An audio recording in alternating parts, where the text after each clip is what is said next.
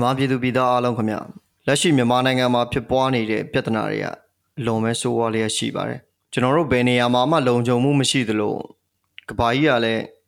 တကယ်ရက်ဆက်မှုတွေလူသားမဆန်မှုတွေနဲ့တွေ့ကြုံလာတဲ့အခါမှာဒီလူသားဆန်မှုနဲ့လူသားခွင့်ရေးတွေတက်ကြိုးပမ်းနေတဲ့သူတွေကိုလစ်လျူရှုထားပါတယ်နိုင်ငံတကာမီဒီယာတွေကလည်းနောက်ထပ်အသစ်အသစ်သောသတင်းတွေနောက်ကိုလိုက်ပြီးတော့မြန်မာနိုင်ငံရဲ့သတင်းတွေကိုအဟောင်းတစ်ခုလိုပဲခြံခဲ့ပါတယ်ဘလို့ပဲသတင်းတွေကဟောင်းသွားဟောင်းသွား မြန်မာနိုင်ငံမှာဇက်တိုက်ဖြစ်ပွားနေတဲ့ဆိုးရွားရက်စက်မှုတွေကိုတော့မြန်မာပြည်သူတွေကအဆက်မပြတ်ခံနေရဆဲပဲဖြစ်ပါတယ်။နိုင်ငံတကာစာမျက်နှာမှာမြန်မာသတင်းတွေဟာနှဲပါသွားပေမဲ့ကျွန်တော်တို့တော်လန်ချင်းများနဲ့ခေတ်သစ်မြန်မာပြည်ပေါ့ကတ်ကတော့ပြည်သူတွေကပြည်သူနဲ့ဖန်တီးထားတာဖြစ်ပြီးကျွန်တော်တို့မြန်မာနိုင်ငံနဲ့အတူအမြဲတမ်းရပ်တည်သွားမှာဖြစ်ပါတယ်။ကျွန်တော်တို့ပေါ့ကတ်မှာຫນွေဦးတော်လန်ရေးနဲ့ကျွန်တော်တို့မြန်မာပြည်သူပြည်သားတွေရဲ့တော်လန်ချင်းများစွာကိုကျွန်တော်တို့တင်ပြပေးသွားမှာဖြစ်ပါတယ်။မြန်မာပြည်သူလူထုတရက်လုံးဂုံတိတ်ခါရှိရှိရပ်တည်နေနိုင်မှု ရဲဝင့်စွာ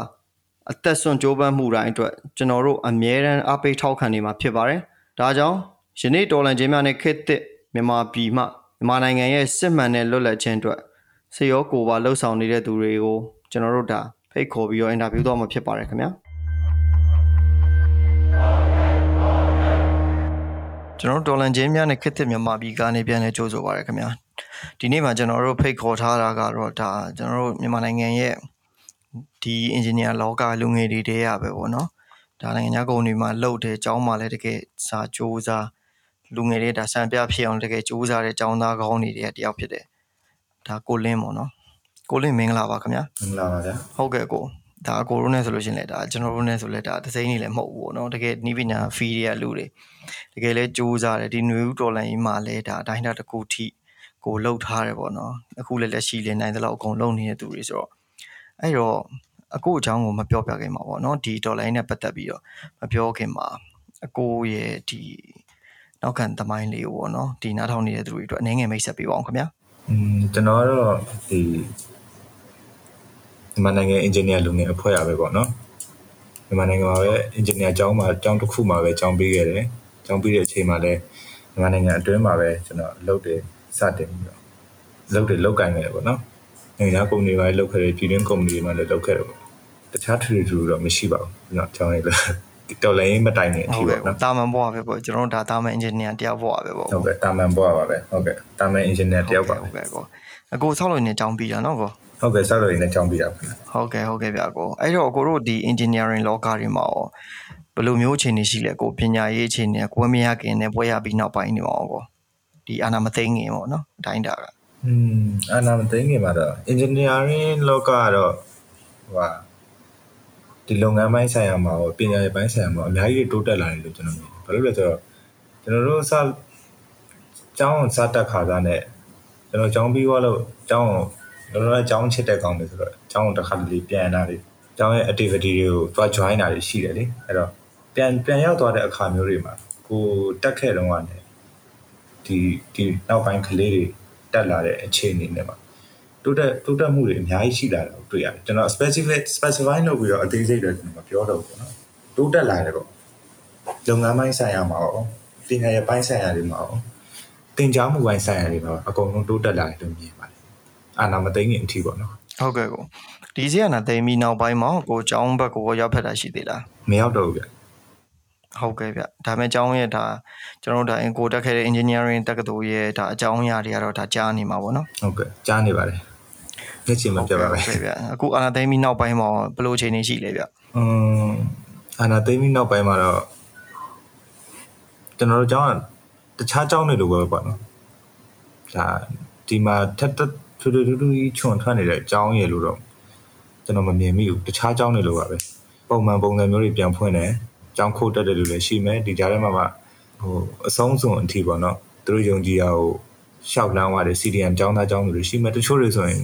တောထဲမှာရှိနေသေးတယ်ကျောင်းသားကျောင်းသူတွေတွေ့ရတယ်ပေါ့နော်အဲ့မှာနှစ်ပိုင်းကွဲသွားတာပေါ့ဒီကိုကောင်းဆန်တဲ့အဖွဲ့နဲ့လှုပ်တင်တာကိုလှုပ်တဲ့အဖွဲ့ဆိုပြီးနှစ်ပိုင်းကွဲသွားတော့ကျွန်တော်အဲ့ဒါလေးပဲမြင်ပါတယ်ဒါကျောင်းသားကျောင်းသူမှမဟုတ်ပါဘူးဆရာဆရာမတွေထဲမှာပဲရှိပါတယ်ဒီကိုကောင်းဆန်တဲ့အဖွဲ့နဲ့လှုပ်တင်တာကိုလှုပ်တဲ့အဖွဲ့နှစ်ဖွဲ့ကွဲသွားပါတယ်ကျောင်းကတော့ဒီတိုင်းပဲရှိနေဦး ကျောင်းနဲ့ပတ်သက်တဲ့လူတွေထဲမှာအဲ့လိုနှစ်ပိုင်းကွဲသွားတဲ့လူတွေတော့ကျွန်တော်မြင်ပါဟုတ်ကဲ့ဗျာကောကျေးဇူးတင်ပါတယ်အဲ့တော့ကျွန်တော်တို့ပေါ့နော်ဒီနွေဦးဒေါ်လာရေးဘက်ကိုတွားလိုက်အောင်အခုအနေနဲ့ဒီနွေဦးဒေါ်လာရေးကိုဘယ်လိုပုံစံမျိုးနဲ့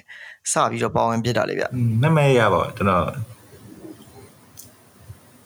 နေဦးတော်လိုင်းမဖြစ်ခင်တရက်မှာကျွန်တော်အလုပ်ပြောင်းတာဟုတ်ကဲ့ဗျဘယ်ဘယ်ဘယ်လောက်ကနေပြောင်းလာလဲဗျအလုပ်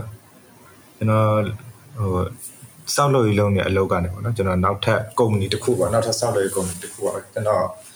identity တွေတော့ကျွန်တော်မဖော်ရခြင်းလို့မပြောတော့ဘူးပေါ့နော်ဟုတ်ကဲ့ဗျအဲကျွန်တော်အလုပ်ပြောင်းတယ်အလုပ်ပြောင်းပြီးတနင်္ဂနွေနေ့မှာအလုပ်ပြောင်းပြီးတော့အဲကျွန်တော်ကျွန်တော်အသေးစိတ်မှတ်မိတယ်တနင်္လာနေ့မှာအာနာသိတယ်အဲကြားထဲမှာကျွန်တော်တို့တွေဖြစ်ဖြစ်ချင်းမှာတော့အဲအဲတော့82နာရီစိုက်ဝါးတွေပါတယ်ကျွန်တော်တို့မိလိုက်သေးတာဘူးအခုလည်းအကြားလိုက်မယ်နဲ့တူပါတယ်82နာရီအတွင်း ဘာမှမလုပ် UR ပဲတခုခုလုပ်ပြီးတော့မလို့လို့ပုံစံမျိုးတွေတရင်တွေတက်တက်လေးကြားခဲ့ဒါပေမဲ့82နာရီ3ရက်မြောက်ပြည့်တဲ့နေ့မှာကျွန်တော်ထင်တယ်မန္တလေးမှာကိုတေစာဆန်းစပြီးဆန္ဒပြတယ်ထင်တယ်ဆန္ဒပြပြီးနောက်တစ်ရက်မှာလည်းရန်ကုန်မှာချက်ချင်းဆန္ဒပြဖို့စလုပ်တယ်ကျွန်တော်အဲ့မှာစကြိုင်တာပဲကျွန်တော်ရဲ့နေဦးတော်လိုင်းခရီးအစားတော့အဲ့ကိုတေစာဆန်းဆန္ဒပြမှုအပြီးနောက်တစ်ရက် ရန်ကုန်မှာဖြစ်တဲ့ဆန္ဒပြမှုကနေစပါဟုတ်ကဲ့ဗျကိုအစောပိုင်းမှာတော့ဒါကျွန်တော်တို့အားလုံးပေါ့နော်တက်ညီလက်ညီနဲ့ခြားခဲ့တဲ့ CDN လှူရှားမှုတွေရောပြီးရင်အကြမ်းမဖြတ်အကြမ်းမဖက်အာနာစီစံမှုအာနာဖီစံမှုပေါ့အကျမ်းမဖက်ဒါတွေနဲ့တောက်လျှောက်သွားခဲ့တာပေါ့နော်သို့ပေမဲ့ကိုတို့ကျွန်တော်တို့သိတဲ့အတိုင်းစစ်တပ်ကဒီလက်နက်မဲ့ပြည်သူလူထုပေါ့နော်ဒါကိုလည်းဒါကြီးစစ်နဲ့ပြစ်လို့ပြစ်တက်ချင်တိုင်းတက်ပေါ့နော်အဲ့လိုဖြစ်တဲ့အခြေအနေမှာဒါကျွန်တော်တို့လက်နက်ကင်တော်လန်ရေးကိုပြောင်းပြီပေါ့နော် အဲ့တော့အကိုအနေနဲ့လက်နက်ကင်တော်လန်ရေးကိုဘယ်ချိန်လောက်မှစပြီးတော့ရွေးချယ်ဖြစ်တာလဲကိုဘာကြောင့်လဲပေါ့အာ January sorry February မှာကျွန်တော်တို့အာနာစသိနေ February March April May တောက်လျှောက်ကျွန်တော်ဆန္ဒပြခဲ့တယ် April လအလယ်လောက်မှာကျွန်တော်တို့နေတဲ့နေရာမှာကျွန်တော်ဆန္ဒပြပွဲတွေတစ်ခုလုပ်တယ်အဲ့အချိန်မှာပေါ့ကျွန်တော်မျက်စိရှိမှတယ်မဲ့ကျွန်ကျွန်တော်နဲ့တူဆန္ဒပြနေတဲ့ ညီမညီအမနှစ်ယောက်နှိပ်စက်ခံပြီးဖမ်းခံရတယ်ကျွန်တော်နဲ့ဆွေမျိုးမကဲတဲ့လူတစ်ယောက်အပြစ်ခံရတယ်ဒါပေမဲ့ကျွန်တော်တို့ဘာမှပြန်မလုပ်နိုင်ဘူးအဓိကတော့ကျွန်တော်တို့မှသူတို့ပြန်လုပ်နိုင်တဲ့ပြန်လုပ်နိုင်မဲ့အင်အားမျိုးအလုံးလောက်မရှိလို့ပေါ့နော်အဲ့အချိန်ကနေစပြီးတော့ကျွန်တော်မှအိုက်စိတ်ဝင်လာတာငါတို့ဒီကောင်တွေကိုပြန်တော်လာမှုတင့်ပြီးသူတို့နဲ့တူညီတဲ့အင်အားကိုပြန်ပြဖို့လိုပြီးဒါမှမဟုတ်သူတို့ထက်တာတဲ့အင်အားကိုပြန်ပြဖို့လိုပြီး အဲ့လိုစပြီးတွေးလိုက်ရနေစပြီးတော့လက်နက်ကင်ဒေါ်လာရင်းလမ်းစဉ်စတင်နေပြီဆိုပြီးအတွေးစဝင်လာတယ်ပေါ့ကျွန်တော်အဲ့ဒါကိုလည်း April လမှာလည်းမယ်ကျွန်တော် April လတကြံအပြီးမှာကျွန်တော်အကောင့်ထဲပို့ခဲ့တယ် ဟုတ်ကဲ့ဗျတကြံပြီးဆိုတော့ဒါတော်တော်စောသေးရလို့ပဲပြောရမှာเนาะအဲ့ဒီအချိန်မှာကျွန်တော်လက်နက်ကင်လှူရှားမှုတွေမရှိသလောက်ပဲ ဟုတ်ကဲ့ ဟုတ်ကဲ့ဟုတ်ကဲ့ကိုအဲ့တော့အကိုတို့ဒီလက်နက်ကင်တော်လန်ရေးကိုပေါ့နော်အကိုတို့စပြီးတော့ဒါ join ပြီးလုပ်တဲ့အချိန်မှာ ကာလာအားဖြင့်ဘယ်လောက်ကြာလဲအကိုပြီးတော့လည်းဘယ်လိုအရာတွေကအကိုတို့ဒါလက်နက်ကင်တင်တန်းတက်ဖို့အတွက်အခက်အခဲဆုံးတွေဖြစ်ခဲ့လဲဗျကျွန်တော်တို့တင်တန်းတက်တဲ့ကာလကြာချိန်ကတော့၄လအထိကြာခဲ့တယ်ဗျလက်နက်ကင်ဒေါ်လာရင်းတင်တန်းတက်ဖို့အတွက်အခက်အခဲရတော့ပြဿနာကျွန်တော်ကကျွန်တော်ကျွန်တော်မှမှတ်ပုံနေပြောင်းတယ်သွားလာတာမှအဲမှတ်ပုံနေမပြနိုင်တဲ့အတွက်အခက်အခဲရှိတယ်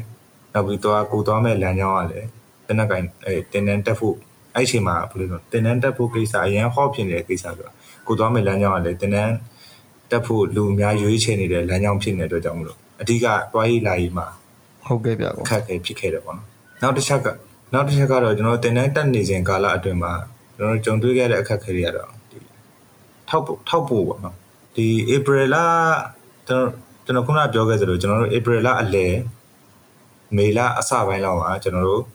ဒီလက်နက်ကန်တော်လိုင်းရေးအတွက်တင်တန်းတက်ဖို့စပြီးတော့ဆုံးဖြတ်ခဲ့တယ်အဲ့ဒီမေလအစပိုင်းကနေပြီးတော့နောက်ထပ်၄လထပ်ပေါင်းပြီးတော့ August လောက်အထိကိုကျွန်တော်တို့တင်တန်းတက်ခဲ့တယ်ပေါ့နော်မေနဲ့ August ဆိုတာတကယ်တော့မိုးအရင်မိုးရွာလို့အရင်အကောင်းဆုံးအချိန်ပဲဟုတ်ကဲ့ကို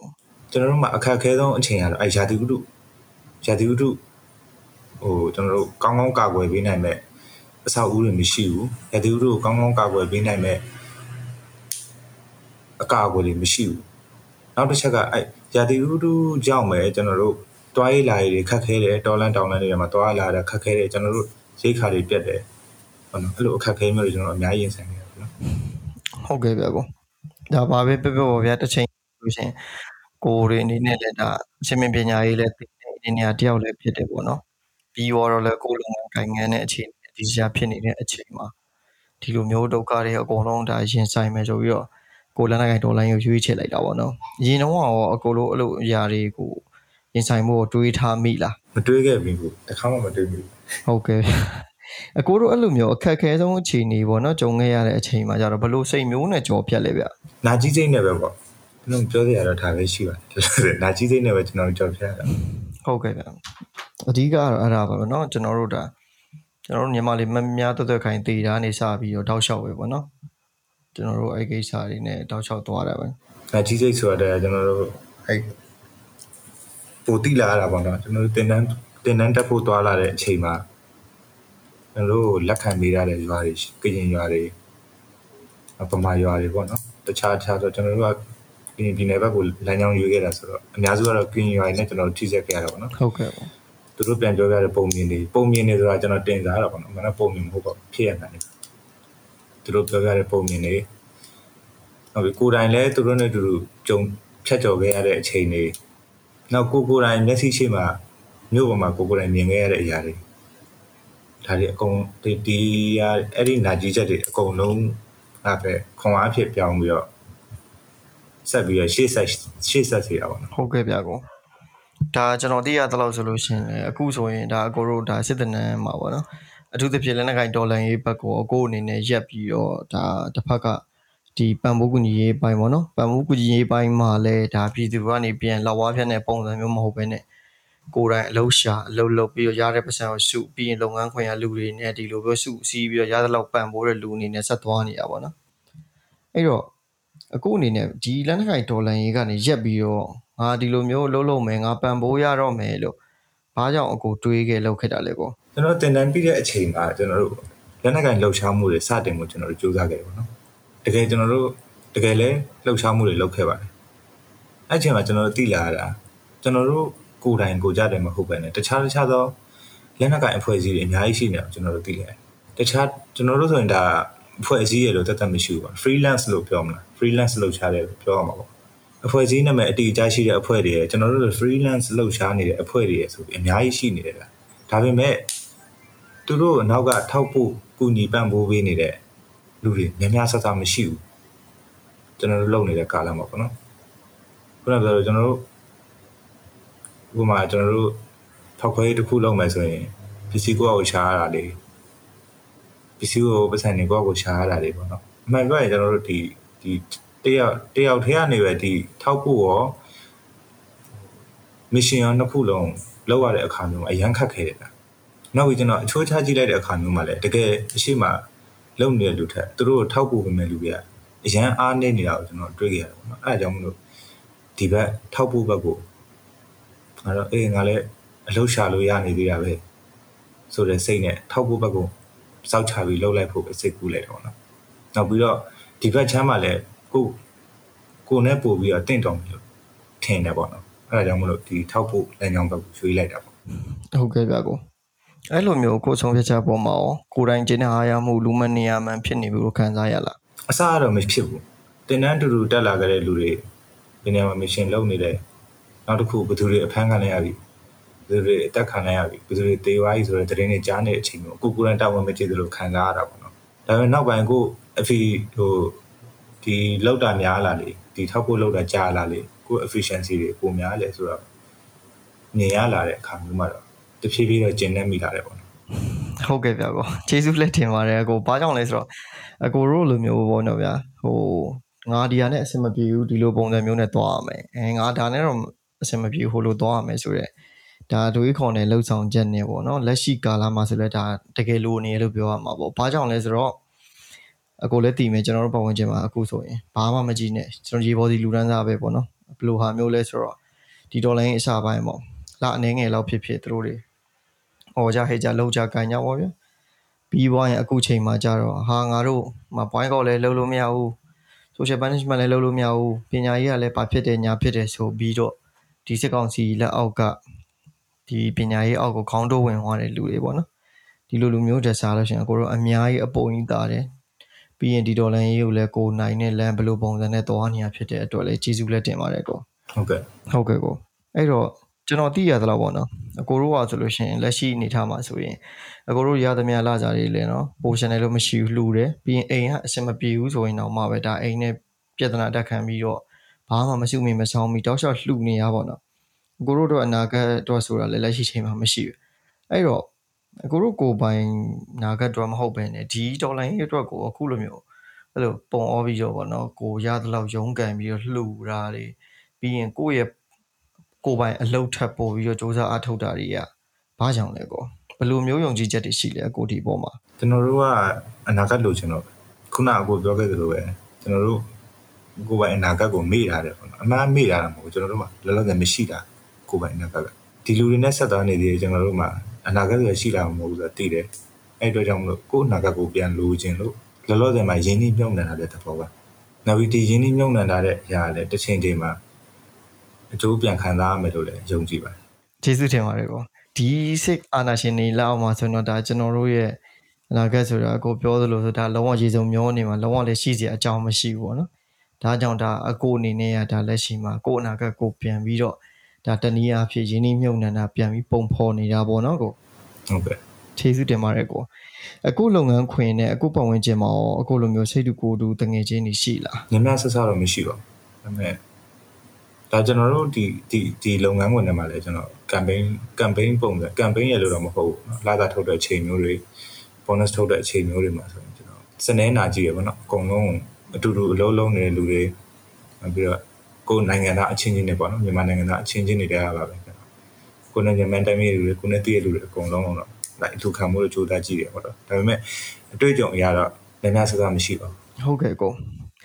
အကိုတို့အဲ့လိုမျိုးပေါ့နော်ခုနအကိုပြောရဲမှာပေါ့ဒါဒီဒေါ်လာရဲ့အတွက်အဲ့လိုမျိုးလှူဖို့တန်ဖို့လိုက်ပြီးတော့အကိုစီယုံကြည့်ပေါ့ပြောကြည့်တဲ့အချိန်မှာဘယ်လိုသူတို့အနေနဲ့ဘယ်လိုမျိုးတုံ့ပြန်ကြလဲကိုစကားမဲ့အများကြီးမပြောချင်လို့ပေးလိုက်တယ်ပေါ့နော်အဲ့လိုပုံစံပါပဲဟုတ်ကဲ့အဲ့လိုအဲ့လိုပုံစံမျိုးတွေများကြတယ်ကျွန်တော်လူခံတယ်ဟိုညင်းရင်စကားတွေအများကြီးပြောအောင်အဲ့တော့ကြောင့်မလို့စကားအများကြီးမပြောချင်ဘူးအဲ့တော့ခဏလေးဟိုနည်းနည်းပြိုင်ပြီးတော့ဆိုတဲ့ပုံစံမျိုးတွေ အဲ့လိုတွေပေးလိုက်တာများပါဟုတ်ကဲ့ဗျာကောအဲ့လိုမျိုးကြတော့အကိုအနေနဲ့ရောဘယ်လိုခံစားရလဲဘယ်လိုဆက်သွားလဲကောအစပိုင်းတော့ကျွန်တော်စိတ်ထဲမှာကတိအောက်ဖြစ်တယ်ပေါ့နော်။အော်ငါသူတို့ကိုဥဆောင်ပြီးလောက်ခိုင်းနေရတယ်မဟုတ်ဘူးပေါ့နော်။ကို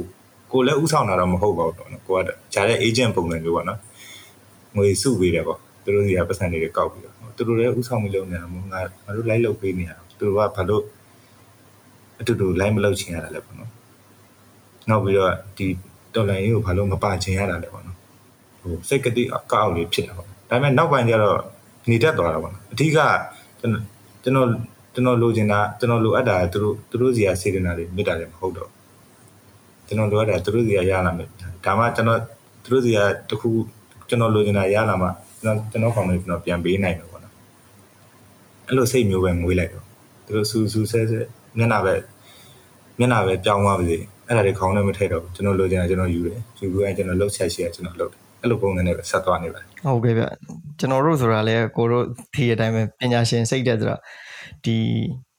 ဥပမာထားပါတော့ဈေးတယ်ဆိုရင်တော့မှဗျာကျွန်တော်တို့ engineer တွေဆိုတာဟဲ့ငါရောင်းတယ်ဝယ်ခြင်းဝယ်မဝယ်ခြင်းနေငါပစ္စည်းရဒီလိုမင်းပတ်စံရှိရင်ဝယ်ပတ်စံမရှိရင်မဝယ်ပုံစံမျိုးအထိနေခဲ့တာပေါ့နော်ဒါပေမဲ့ဒီဒေါ်လာရေးကြမှာပဲခါခါရရလုံးနေဟုတ်ရင်ဟုတ်တယ်ဟုတ်တယ်ဟုတ်တယ်ဟုတ်ပေါ့ပြီးတော့ဟုတ်ကဲ့ဟိုစကားပေါ့နော် ကျွန်တော်တို့ agent ဘာညာလုပ်ပြီးရဲဆိုတာကိုတို့ဆိုတာဘာပဲပြောပြော agent ထပ်ပို့ပါတယ်ကိုယ်တိုင်လည်းဒါအများကြီးဆိုတော့ခုနပြောသလိုလဲဒါဘာပဲပြောပြောအာဒေါ်လာရေးအတွက်အလုံငွေရရင်ပြီးတော့သူတို့မျက်နှာပြက်ပြက်မပြက်ပြက်ဆိုရဲစိတ်ထားမျိုးနဲ့ပဲရှေ့ဆက်နေတာဟောပဲဒါလေးစားမှာပါကောဟုတ်ကဲ့သူတို့ရောအဲ့လိုမျိုးအကိုပြောတဲ့အချိန်မှာတော့ဒါဟုတ်ကဲ့ဘာမှတော့မတုံ့ပြန်ဘူးပေါ့နော်ဟုတ်ဒီလောက်ပဲ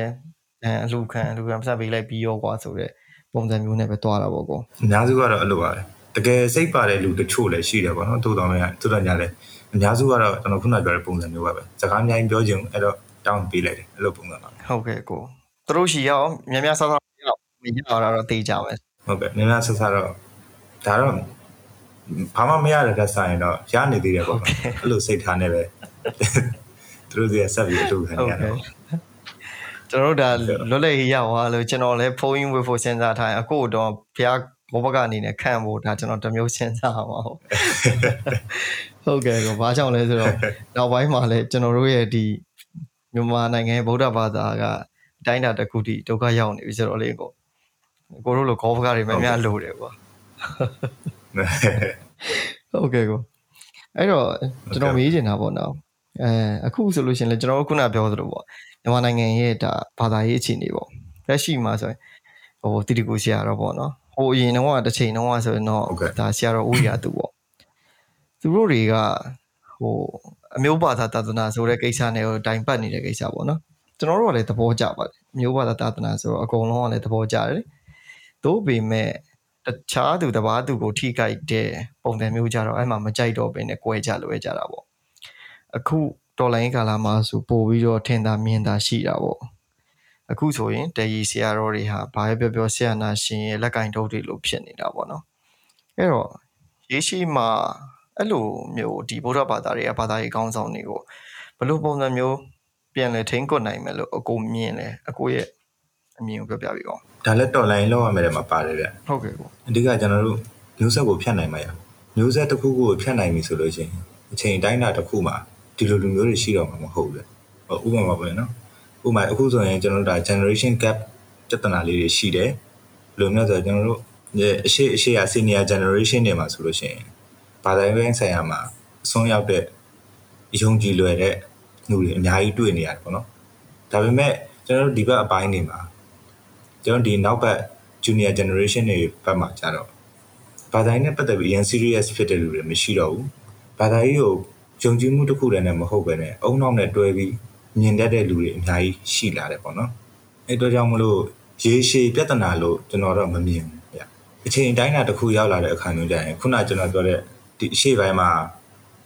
အယုံလွယ်တဲ့လူတွေဘာသာရေးကိုခုလုံးလုပ်ပြီးပောက်ကရလုပ်နေလူတွေကအချိန်တိုင်းတာတစ်ခုမှကွယ်ပြောက်သွားမယ်လို့ယုံကြည်ထားတယ်ပေါ့နော်ဟုတ်ကဲ့ဗျာကိုကျွန်တော်တို့အေးပေါ့နော်အရင်တော့ကကျွန်တော်တို့ တောက်လျှောက်ပဲပြောအောင်ပါဗောနော်ကျွန်တော်နိုင်ငံကဟုတ်ကဲ့ဘုရားဘာသာရေးလွှမ်းမိုးမှုလည်းရှိတယ်ဒါဟိုးလွတ်လပ်ရေးကာလအနေစပြီးတော့ပြီးတော့လည်းဘယ်လိုပြောမလဲရှေးရိုးဆွဲတယ်ပေါ့နော်လူတွေကဟုတ်ကဲ့သူတပည့်လူကြီးတွေကရှေးရိုးဆွဲတယ်နောက်ပိုင်းမှာလည်းစစ်အုပ်ချုပ်ရေးရဲ့တောက်လျှောက်မှာပြပြဝတ်နေခဲ့ရတာဆိုတော့တောင်းတောင်းနဲ့လည်းဒီဘာသာရေးနိုင်ငံရေးကိစ္စတော်တော်များများကပြန်ပြီးတော့မိကုံမထုတ်နိုင်တဲ့ topic ထဲမှာပါခဲ့တာပေါ့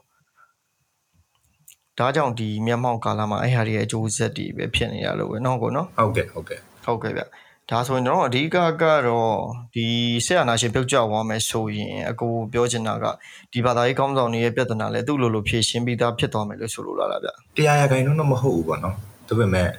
ဆက်အာနာရှင်ပြုတ်ကြပြီဆိုကြတဲ့ဘာသာရေးမှရမဟုတ်ဘူးပေါ့နော်အရာအလုံးကအကောင်းဘက်ကိုပြန်ပြီးတော့လဲသွားမယ်လို့ကျွန်တော်ထင်တယ်ပေါ့နော်ဒီဘာသာရေး topic တစ်ခုတည်းပဲ specify လုပ်ပြီးတော့ဆွဲထုတ်မယ်ဆိုရင်လည်းဆရာနာရှင်ပြုတ်ကြသွားပြီဆိုလို့ရှိရင်ဒီဘာသာရေးနဲ့ပတ်သက်တဲ့ negative talk ဒါမှမဟုတ် negative talk ပေါ်မှာရည်တည်ခဲ့တဲ့လူတွေအကုန်လုံးကကျွန်တော်တို့ကျွန်တော်တို့မောင်ထုတ်ဆရာမလို့ပါကျွန်တော်တို့နှင်ထုတ်ဆရာမလို့သူ့အနေနဲ့သူပျောက်ကိုတဖြည်းဖြည်းချင်းလုံးပါပါသွားလိမ့်မယ်ပေါ့နော်အ ਨੇ ကအ ਨੇ အ ਨੇ အချင်းကြံခဲ့ရင်တော့မှပဲဒါတွေကအချိန်ကာလအတိုင်းအတာတစ်ခုရောက်လာတဲ့အခါမျိုးကပျောက်ကွယ်သွားမယ်လို့ကျွန်တော်ထင်ပါတယ်ဟုတ်ကဲ့ဗျကို ကို့အမြင်တော့ကျေးဇူးတင်ပါတယ်ကောအဲ့လိုမျိုးဆိုရင်တော့ဒါကျွန်တော်တို့ဒါတရုတ်လိုမျိုးယဉ်ကျေးမှုတော်လန်ရေးလိုမျိုးစာဆိုးဆိုးဝါးဝါးတွေတော့ဖြစ်လာနိုင်ကြအကြောင်းတော့မရှိတော့ဘူးပေါ့နော်ကိုဟုတ်ကျွန်တော်တော့အဲ့လိုထင်တာပါဟုတ်ကဲ့ဗျကိုကျေးဇူးတင်ပါတယ်ကောအဲ့တော့ကျွန်တော်တို့ဒီလက်ရှိຫນွေဦးတော်လိုင်းနဲ့ပတ်သက်ပြီးတော့ဗောနော်အခုဆိုရင်ဒါလူတိုင်းကလည်းပြောတာဒီမျိုးသားညီညွတ်ရေးဆိုရပါနော်မျိုးသားညီညွတ်ရေးဆိုရဟိုးရင်တော့လက်ခံတယ်အဲ့တော့2022အတော်တွင်ပေါ့နော်ဒီ2021ဆောပိုင်းကာလတွေမှာကျွန်တော်ဒီမျိုးသားညီညွတ်အစိုးရကတောက်လျှောက် ပြောမယ်ဆိုရင်ပြောခံဝေဖန်ခံနဲ့အနေထားပေါ့အခု2023အစောပိုင်းကာလမှာဆိုလို့ရှိရင်သူ့ရဲ့ခြေလမ်းတွေကတဖြည်းဖြည်းနဲ့တော့ဒါရုပ်လုံးပေါ်လာတာတွေရှိတယ်ပေါ့နော်အဲ့တော့အကိုတို့ဒီတင်နန်းတက်ခဲ့တဲ့အချိန်ကာလတွေပြီးရင်တင်နန်းတက်ပြီးပေါ့နော်ဒါနောက်ပိုင်းထောက်ပို့လို့တဲ့အချိန်ကာလတွေမှာအကိုတို့ကြားရသမျှအနေထားမှာအကိုတို့ပဝင်ခြင်းတော့ဒီမျိုးသားညီညွတ်ရေးအစိုးရကဘယ်လိုကူညီထောက်ပံ့ပေးတာမျိုးတွေရှိတယ်ဘယ်လိုချိတ်ဆက်ဆောင်ရွက်ပေးတာမျိုးတွေရှိလဲဗျ ကျွန်တော်တင်တဲ့တက်နေစဉ်ကာလအတွင်းမှာကျွန်တော်ကျွန်တော်ဒီကျွန်တော်ဆက်ဆံခဲ့ဦးတဲ့အမျိုးသားညီညွတ်ရေးဆိုရ NUG ပေါ့နော်ကျွန်တော်တို့တင်တဲ့စတက်တော့က NUG ဆိုတာမရှိသေးဘူးဗျ CRPH အဆင့်ပဲရှိသေးတယ်ပေါ့နော်ကျွန်တော်တို့တင်တဲ့ပြီးွားမှသာလျှင် NUG အစိုးရနဲ့ကျွန်တော်တို့ထိတွေ့ဝင်ရတယ်ပေါ့နော်ဟုတ်ကဲ့ဗျအများကြီးကူညီပေးနေပါတယ်တချို့နေရာတွေကိုတော့မရောက်နိုင်သေးဘူးပေါ့နော်သူတို့တွေ ဒါလည်းကျွန်တော်အပြစ်ပြောတဲ့ပုံစံမျိုးပြောတာမဟုတ်ဘူးပေါ့နော်ဥပမာကျွန်တော်ဥပမာလေးတစ်ခုပေးရမယ်ဆိုလို့ရှိရင်ဒီအိမ်ရဲ့တစ်လစာအသုံးစရိတ်က3သိန်းမှလောက်မှာပေါ့နော်ဒါပေမဲ့ဒီအိမ်ရဲ့တစ်လစာဝင်ငွေတသိန်းခွဲပဲရှိနေတဲ့အချိန်မျိုးမှာကျွန်တော်တို့ကပိုရေးကြီးတဲ့ဟာတွေကိုဦးစားပေးပြီးတော့တုံးဆွဲရတာပေါ့နော်ကျွန်တော်တို့နိုင်ငံရဲ့တော်လိုင်းအခြေအနေရတယ်အဲ့လိုအခြေအနေပေါ့နော်ကျွန်တော်တို့လိုနေတာ3သိန်းလောက်လိုနေတယ်တိုးပေမဲ့ တသိန်းခွဲလောက်ပဲပေးနိုင်နေတယ်ဟုတ်ကဲ့ဗျအဲ့အတွက်ကြောင့်မလို့ပူပြီးအရေးကြီးနေတဲ့နေရာမျိုးတွေကိုဦးစားပေးပြီးတော့ပို့ပေးနေရတယ်ပေါ့နော်ဒါကိုလည်းဒီ energy အစိုးရရဲ့ထောက်ပံ့မရသေးတဲ့ညီအကိုတွေမောင်နှမတွေပေါ့နော်ဒါလေးကိုလည်းနားလည်ပေးဖို့မျှော်လင့်နေပေါ့နော်ဒီ energy အစိုးရဘာလုပ်နေလဲမေးဖို့ရကြတော့လေဒါကျွန်တော်တို့အလုံးမာတယ်ကိုရှိတယ်ဒါကျွန်တော်တို့ department မတူတဲ့အခါမျိုးမှာကြတော့ တယောက်တယောက်မှနားလည်မှုမရှိရင်အလုံးလောက်ရတာခက်တယ်ဥပမာဒီမင်းတို့ department ဘာလုံးဝမလုပ်ဘူးလားငါတို့ကဒီလောက်လုပ်နေရတာသူကမဟုတ်ဘူးဗျတစ်ဖက်လုံးကအလုံးလုံးနေဒါပေမဲ့သူလုံးရတဲ့အလုပ်ကိုကျွန်တော်တို့ကမမြင်ကျွန်တော်တို့ကကျွန်တော်တို့လုပ်ရတဲ့အလုပ်ကိုလည်းသူတို့ဘက်ကမမြင်နိုင်တဲ့အခါမျိုးမှာတရားနဲ့တယောက်ကြောင့်မှနားလည်မှုတွေလွဲတယ်တယ်ဗျမျိုးသားမျိုးအစိုးရ NUG တွေတော့လည်းသူလုပ်ဆရာရှိတဲ့အလုပ်တွေကိုလုပ်နေပါပဲဒါပေမဲ့ကျွန်တော်တို့မမြင်ရဘူးကျွန်တော်တို့မြင်ခွင့်လည်းမရှိဘူးမြင်လို့လည်းမရဘူး ဒါတွေအကုန်လုံးက public ချပြပြီးလုပ်ရတဲ့အလုပ်မျိုးတွေမဟုတ်တဲ့အတွက်ကြောင့်မို့ဒါပေမဲ့ကျွန်တော်တို့မမြင်ရတဲ့ဝေဖန်တွေလို့တော့မရဘူးဗျကျွန်တော်ခုနကပြောသလိုဘာလို့ effective မဖြစ်မဖြစ်တာလဲကျွန်တော်တို့က3သိန်းလိုတယ်ဒါပေမဲ့ကျွန်တော်တို့မှရှိတယ်3သိန်းွယ်တယ်အဲ့ဒါကြောင့်မလို့အရေးကြီးတဲ့နေရာကိုပို့ပေးနေရတယ်ဒါလေးကိုနားလည်ပေးဖို့ကျွန်တော်မျှော်လင့်ပါတယ်ကျွန်တော်ဒီကိုယ်တွေဒီကနေပဲစကားပါခြင်းတယ်ပေါ့နော်ဟုတ်ကဲ့ဗျဟုတ်ကဲ့อืมကျေးဇူးတင်ပါတယ်ကောကို့အမြင်ရလဲဒါလက်ရှိမှာဆိုလို့ရှိရင်အများကြီး ဘာပဲပြောကို့အလုပ်တွေ့ကြုံနေရရောကို့လက်ရှိလုပ်နေတဲ့အလုပ်တွေတွေရောပြန်ပြီးတော့ရတဲ့အတွေ့အကြုံမျိုးပေါ့နော်စောပိုင်းကာလတွေမှာကျွန်တော်တို့ဟိုဘာပဲပြောကျွန်တော်တို့ကိုပြောသလို department နေရပါဗျာဥမာဟုတ်ကဲ့ကိုတို့လုပ်တယ် ဒါမဲ့သူတို့တွေကကိုတို့လုပ်တဲ့ပုံစံကိုနားမလဲဘူးသူတို့လုပ်တဲ့ပုံစံလည်းကိုတို့နားမလဲဘူးဆိုတဲ့ဟာမျိုးပေါ့ ဟုတ်ကဲ့ ကျွန်တော်တို့ရှေ့တန်းမှာဆိုရင်ဒုက္ခရောက်တယ်ဆိုလို့ရှိရင်အာငါဒါငါဒုက္ခဖြစ်တာ哦ဒါမှတကယ်တကယ်မှာက ဟုတ်တယ် organization တစ်ခုရဲ့ management ကလည်းကျွန်တော်တို့သူ့ဟာနဲ့သူသွားမှာပေါ့နော်သူစီမံခန့်ခွဲမှုอ่ะ ဟုတ်ကဲ့ လက်ရှိမှာလည်းကျွန်တော်တို့ဒေါ်လာရေးကပြောမယ်ဆိုရင်ရသလောက်နဲ့အာတင်ပြီးရှေ့ဆက်သွားနေတဲ့အနေအထားဖြစ်နေတာဟုတ်နော်ပေါ့ ဟုတ်ကဲ့ ဟုတ်ကဲ့ကောအဲ့တော့အခုလက်ရှိမှာဆိုလို့ရှိရင်ဗျာကျွန်တော်တို့ဒါ ဘာပဲပြောပြောအဖက်ဖက်ကအချိန်နေမြင့်လာတဲ့အခြေအနေပေါ့နော်အဲ့တော့အဲ့လိုအခြေအနေမှာအကိုတို့အနေနဲ့ရောဘယ်လိုပုံစံမျိုးတွေနဲ့ဒါဒီဒေါ်လာရင်းအပေါ်မျောလင့်ထားတယ်ကောကျွန်တော်တို့ဖြစ်နိုင်နေနေပြီးစီချင်တယ်ပေါ့နော်ဒါပေမဲ့ကျွန်တော်တို့1948ခုနှစ်မှာအင်္ဂလိပ်အစိုးရလွတ်လပ်ရေးပေးခဲ့တယ်လို့မျိုးဘာမှမပြင်ဆင်ထားတဲ့လွတ်လပ်ရေးမျိုးလည်းကျွန်တော်မဖြစ်စေရုံကြ တော်လိုင်းပြီးမှလိုက်ရှင်းရမယ်ပေါက်ချားတွေတော်လိုင်းပြီးမှလိုက်ရှင်းရမယ်အရှုပ်တွေအကုန်လုံးပေါ့နော်တခါတည်း debate ထဲအပီးရှင်းရှင်းနိုင်မဲ့လွတ်လပ်ရေးမျိုးကိုကျွန်တော်တို့လိုချင်တာပေါ့နော်ဥပမာဒီတိုင်းသားပြည်သူတွေတိုင်းသားတွေပေါ့နော်တိုင်းသားတွေခံစားရတဲ့ဒုက္ခတွေဟုတ်အာငါလွတ်လပ်ရေးပြီးအောင်လုပ်လိုက်အောင်မယ်ဟေ့လွတ်လပ်ရေးပြီးငါတို့အစိုးရဖွဲ့ပြီးအခြေကြပြီဆိုရင်တို့တစ်ခုချင်းနေလိုက်ရှင်းပေးမယ်ဆိုတာထက်အကုန်လုံးတကယ်နဲ့လှုပ်စေချင်တာပေါ့နော်ဆိုတော့ ဘာလို့လဲဆိုတော့ဒါအရင်အင်္ဂလိပ်ဆိုတာလွတ်လပ်ရေးပြီးတော့ကလည်းဘုကြောင့်ဆန်းတော့တောင်တန်းနဲ့ပြည်မှာနှစ်ခုလုံးအတူတူလွတ်လပ်ရေးရအောင်ကြိုးပမ်းခဲ့ပြီဆိုပေမဲ့ဒီနောက်ပိုင်းဒီမှာလည်းကိုလိုလည်းကြားကြားမှသိမှာပါနောက်ပိုင်းဒီ region development ဘိုင်းတွေတခြားတစ်ခုတိုင်းတင်လာခွဲမှုအပိုင်းတွေတခြားအများကြီးပေါ့နော်အဲ့လိုအချိန်အဲ့လိုဟာမျိုးတွေကိုနောက်မှလုပ်ပေးမယ်နောက်မှလုပ်ပေးမယ်ဆိုပြီးအကျွေးအနေနဲ့ထားခဲ့ပြီးတော့မပြီးမပြီးရင်မပြတ်ခဲ့တဲ့ကိစ္စတွေအခုချိန်ကြီးမရှင်းနေတာတွေအများကြီးရှိသေးတယ်ပေါ့နော်ဟုတ်ကဲ့ဗျ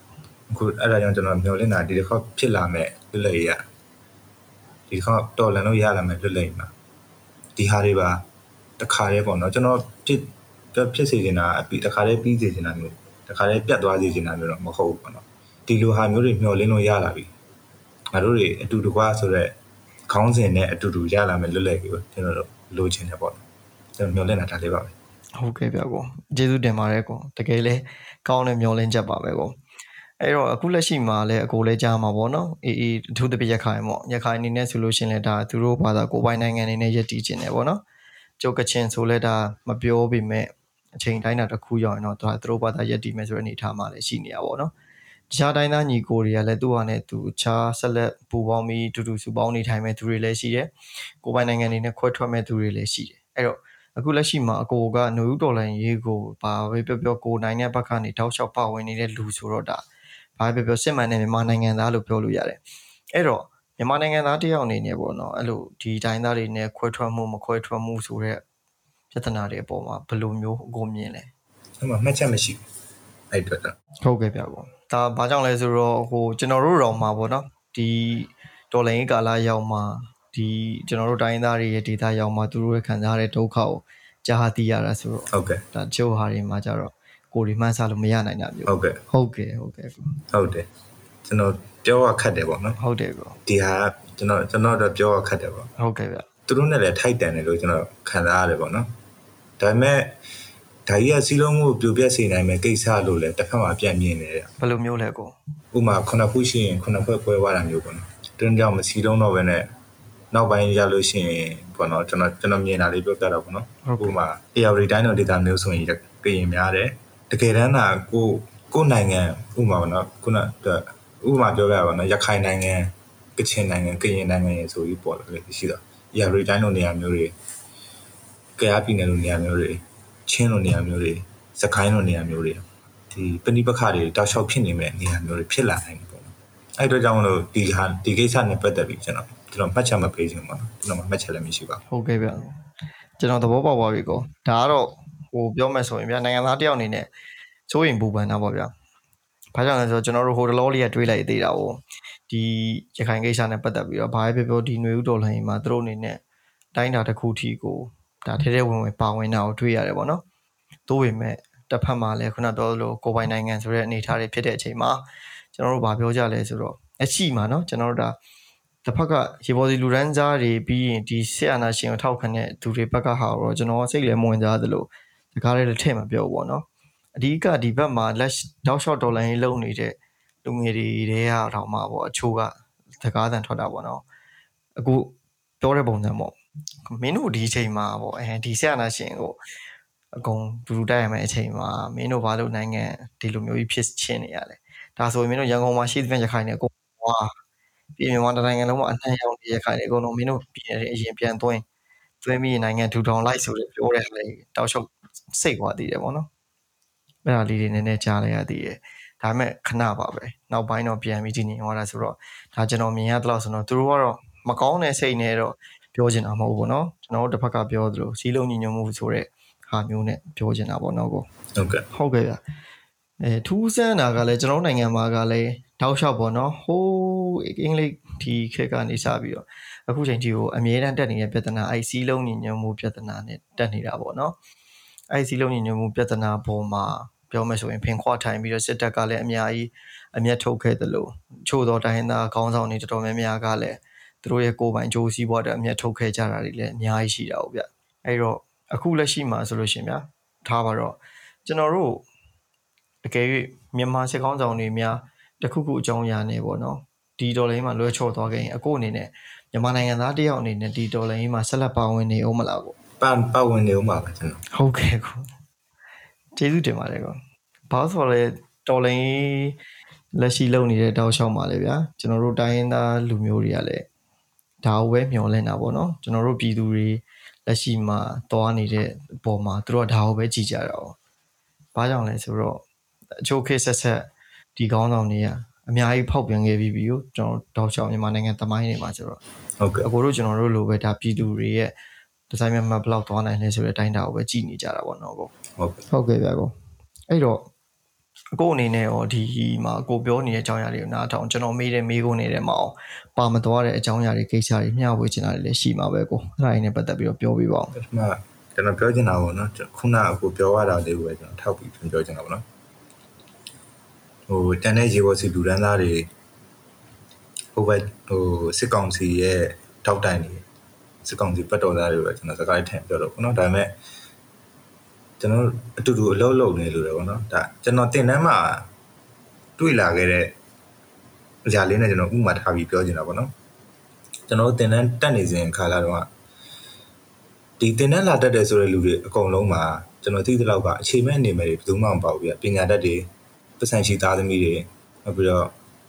လူငယ်ပိုင်းတွေအများကြီးပါတယ်ပေါ့နော်ဟုတ်ကဲ့ပေါ်ကျော်နေလာတဲ့လူတွေပေါ့နော် ဟဟိုစားစရာပူစရာမလို့တောက်စရာပူစရာမလို့ဒီလိုလူမျိုးတွေအကုန်လုံးကတောတဲ့တောင်တွေရောက်လာတဲ့အခါမျိုးမှာစားစရာရှားပါလာတယ်နေရထိုင်နေတာထိုင်တာတွေဆင်းရဲလာတယ်ပေါ့နော်အဲ့ခါမျိုးမှာကျွန်တော်တို့ကဘာဖြစ်လာလဲဆိုတော့အဲ့ရနိုးရနဲ့ကျွန်တော်တို့ရဲ့လူတီကြဟာကောင်းကောင်းစားရည်ကောင်းကောင်းအေးရည်ဥတည်လာတယ်ပေါ့နော်ကျွန်တော်ဒီလိုလာနေတဲ့ရည်ရွယ်ချက်ကိုဒီမှန်ရည်ရွယ်ချက်ကိုအဓိကရည်ရွယ်ချက်ကိုမေ့ဝါထားကြတယ် ဟုတ်ကဲ့ပေါ့စားစရာတော့နေတယောက်တယောက်ရန်ဖြစ်ကြတယ်စီလုံးမှုတွေပြုတ်ခွဲကြတယ်ပေါ့နော်ဒါခဏတာပါပဲအများတိုင်းဖြစ်နေရမျိုးတော့မဟုတ်ဘူးပေါ့နော်ဒါပေမဲ့ကျွန်တော်တို့အားလုံးမှာကောင်းတာလေးတစ်ချက်ကကလည်းဆိုတော့ကျွန်တော်တို့ဖုံရန်သူကိုပြန်တတိရတဲ့အခါမျိုးမှာစီလုံးသွားတတ်ကြတယ်ပေါ့နော်အဲ့တော့အခုဟိုတင်တန်းတက်ခဲ့ဘူးတဲ့လူတွေဆိုလို့ရှိရင်တော့ဒီအခြေအနေကိုသိလိမ့်မယ်ပေါ့နော်ဥပမာတစ်ခါလေးကျွန်တော်တို့တင်တန်းမှာတက်စုနှစ်စုခွဲပြီးတော့အပြိုင်ဆိုင်လောက်ရတာတွေတက်စိတ်တွေခွဲပြီးအပြိုင်ဆိုင်လောက်ရတဲ့ပြိုင်ပွဲမျိုးတွေရှိတယ်ပေါ့နော် အဲ့ဒီခါမျိုးမှာတယောက်တစ်ယောက်ကိုချင်းစာမှုပျောက်သွားတာတွေမညာတာတာတွေဟုတ်ကဲ့ပေါ့တချို့ဆိုအသက်အန္တရာယ်ဟိုချင်းချောက်တဲ့အထီတောင်စိတ်စေနာတုံးတာတွေတွေ့ရတယ်ပေါ့နော်ဒါတွေအားလုံးကဘာကြောင့်ဖြစ်နေရလဲဆိုတော့ကျွန်တော်တို့ဘုံရန်သူကိုမေ့နေလို့ပဲဒါပေမဲ့ဘုံရန်သူကိုရုပ်တရက်သတိရတဲ့အခါမျိုးမှာကျွန်တော်တို့ကအလိုလျောက်စီးလုံးသွားရတယ်ဥပမာညာဘက် drone လာတဲ့အချိန်မျိုးတွေလေရင်လာတဲ့အချိန်မျိုးတွေမှာကျွန်တော်တို့တယောက်နဲ့တယောက်ဖေးမတယ်ကိုညီတယ်တယောက်ကိုတယောက်ကြီးရှုတယ်ဆောင်းရှောင်းတယ် ဒါလေးဥပမာယူကျွန်တော်ပြောချင်တာကျွန်တော်ဒီမှာတွေ့နေရတယ်ကျွန်တော်တို့ social media တွေသုံးတယ်တခါလေကြားထဲမှာဖောက်ပြီးတော့ဟိုအဆိုတော်ရဲ့သမီးစားကိစ္စတွေဟိုတခြားသောကိစ္စတွေဖောက်ဝင်လာတဲ့အခါမျိုးမှာတယောက်နဲ့တယောက်စီးလုံးမှုပြတ်သွားကြတယ်ပေါ့နော်ဒါပေမဲ့ပုံရံသူမမေ့ကြပါနဲ့ပုံရံသူအမြဲတမ်းတတိယနေပြီပါကျွန်တော်ယုံကြည်ပါတယ်ပုံရံသူချက်ချင်းတတိယတာနဲ့လူတွေကအလိုလျောက်စီးလုံးသွားကြစီးလုံးသွားကြလိမ့်မယ်လို့ကျွန်တော်ယုံကြည်ပါတယ်အဲကြောင့်မို့အမြဲတမ်းဒီကနေတတိပေးခြင်းနေတာပုံရံသူမမေ့ကြပါနဲ့ ကိုယ့်ရဲ့ဘုံရန်သူဘယ်သူလဲဆိုတော့အများတန်းသတိရနေပြီပါဟုတ်ကဲ့ကျေးဇူးပါဟုတ်ကဲ့ကိုကျေးဇူးတင်ပါတယ်ခင်ဗျာဒါအကိုကိုလည်းဒီလိုမျိုးစိတ်လေးသွင်းပြီးတော့တက်ရှိမှတောက်လျှောက်ဒီဒေါ်လာရင်းအတွက်ကိုလည်းစူးစမ်းပေးနေတာဟောပေါ့နော်ပြီးတော့ကိုယ်အနာဂတ်ကိုယ်တိုင်းပြည်ရဲ့အနာဂတ်အတွက်ကိုအကိုရဲ့စစ်မှန်တဲ့မြန်မာနိုင်ငံသားတယောက်အနေနဲ့ယင်းနှိမြုံနယ်နဲ့ယင်းနှိမြုံနယ်မှုကိုလည်းဒါကျွန်တော်တို့ဒေါ်လာချင်းများနဲ့ခေတ်သစ်မြန်မာပြည်ပေါ်ကတ်ဖွဲ့သားတွေအားလုံးကလည်းတကယ်လေးလေးလေးစားပါတယ်ကျေးဇူးလည်းတင်ပါတယ်အကိုကျွန်တော်လည်းဒီလို အခုလိုမျိုးကျွန်တော်ရင်စိတ်ထဲမှာဖြစ်နေတဲ့အားတွေကိုပေါ့နော်ဒီချပြဝင်ပေးတဲ့အဖွဲ့သားတွေအကုန်လုံးဒီဒေါ်လာနေနဲ့ခေတ္တမြန်မာပြည်ဆိုတဲ့အဖွဲ့သားတွေအားလုံးကိုလည်းတကယ်ကျေးဇူးလည်းတင်ပါတယ်ဒီလိုအခက်အခဲတွေကြားထဲကနေဒီလို focus လေးမဖြစ်ဖြစ်အောင်လုပ်ပေးတဲ့အတွက်လည်းကျေးဇူးတင်ပါတယ် ဟုတ်ကဲ့ပါကိုကျွန်တော်တို့လည်းဒါအခုလိုအချိန်ပေးပြီးတော့ဖြေချပေးရတဲ့ကျေးဇူးတင်ပါတယ်အကိုဆက်လက်ဟုတ်ကဲ့ပါဒါသွားနေတဲ့အကိုရဲ့ဘဝခီးလမ်းမှာလည်းစသရရအဆင်ပြေပါစေအခက်အခဲတွေအားလုံးကိုလည်းကိုယ့်ရဲ့ယုံကြည်ချက်တွေနဲ့ကောင်းစွာကြော်ဖြတ်နိုင်ပါစေခင်ဗျာကိုဟုတ်ကဲ့ပါကျေးဇူးတင်ပါတယ်ကျွန်တော်တို့ရဲ့တော်လန်ချင်းများနဲ့ခစ်တစ်မြန်မာပြည်ပေါ့ကတ်ကိုအဆုံးထိတေချာနားထောင်ပေးရတဲ့အရန်မဲ့ဝမ်းသာရပါတယ်ခင်ဗျာဒီချိန်ဒီကာလကကျွန်တော်တို့မြန်မာနိုင်ငံကိုချစ်မြတ်နိုးတဲ့သူတိုင်းအတွက် အရန်ခက်ခဲစိတ်ပင်ပန်းနေရတဲ့ကာလလည်းဖြစ်ပါတယ်ကျွန်တော်ကိုယ်တိုင်လည်းအရန်စိတ်ပင်ပန်းရပါတယ်တခါတလေလုံးဝစိတ်ပြက်လက်ပြက်ဖြစ်သွားတဲ့အချိန်တွေလည်းရှိပါတယ်ဘလို့ပဲဖြစ်ဖြစ်ပေါ့ဗျာဒီခစ်ဆိုးစနစ်ဆိုအဆုံးသတ်ဖို့အတွက်ကျွန်တော်တို့မှာလည်းတာဝန်ရှိသလိုနိုင်ငံသူနိုင်ငံသားတိုင်းမှာတာဝန်ရှိပါတယ်ခင်ဗျာဒါကြောင့်ဘာတွေဘလို့ပဲကြုံရကြုံရအားတင်းပြီးတော့ဒီစစ်အာဏာရှင်အမြင့်ပြည့်ရေးမြန်မာနိုင်ငံအမြန်ဆုံးအေဂျင့်ရေးနဲ့တိုးတက်ရေးကိုကျွန်တော်တို့ရှေ့ရှုပြီးရှေ့ဆက်နေရမှာဖြစ်ပါတယ်သတင်းချက်လက်ရယူခြင်းရဲ့အဓိကအကျိုးသက်ရောက်မှုကကျွန်တော်တို့ဒါ နိုင်ငံတွင်းအခြေအနေတွေကိုနိုင်ငံတကာမီဒီယာတွေသိစေမယ်သူတို့ကိုအာရုံစိုက်စေမယ်ပြီးတော့ကျွန်တော်တို့ຫນွေဦးတော်လှန်ရေးအတွက်အသက်တွေအထောက်အထားတွေကိုစူးစီးပေးနိုင်ခြင်းပဲဖြစ်ပါတယ်ကျွန်တော်တို့ရဲ့စ조사အားထုတ်မှုတွေကိုတကယ်သဘောကျနှစ်ချိုက်တယ်ဆိုရင်ဒါကျွန်တော်တို့ရေရှည်ရက်တည်ရေးအတွက်ဝိုင်းဝန်းပံ့ပိုးပေးဖို့ကျွန်တော်ဒါတိုက်တွန်းလိုပါတယ်ကျွန်တော်စေတနာရှင်တွေနားထောင်တဲ့သူတွေရဲ့လာစဉ်ပံ့ပိုးကူညီမှုတွေဒါအမှမဟုတ်တစ်ချိန်ဆိုတစ်ချိန်ထိထိရရောက်ပေးဖို့လှူဒန်းမှုတွေကဒါကျွန်တော်တို့ရှေ့ဆက်ဖို့အတွက်အရန်ရေးကြီးပါတယ်ခင်ဗျာဒါကြောင့်အဲ့လိုမျိုးဝိုင်းဝန်းပံ့ပိုးကူညီမှုတိုင်းကိုလည်း ကျွန်တော်အထူးပဲကျေးဇူးတင်ပါကြောင်းသိပေးလိုက်ရပါတယ်ခင်ဗျာမြမပြည်အမြန်ဆုံးလွတ်လပ်ပါစေပြည်သူများအမှန်မြင်၍အမြင်မှန်နိုင်ကြပါစေခင်ဗျာ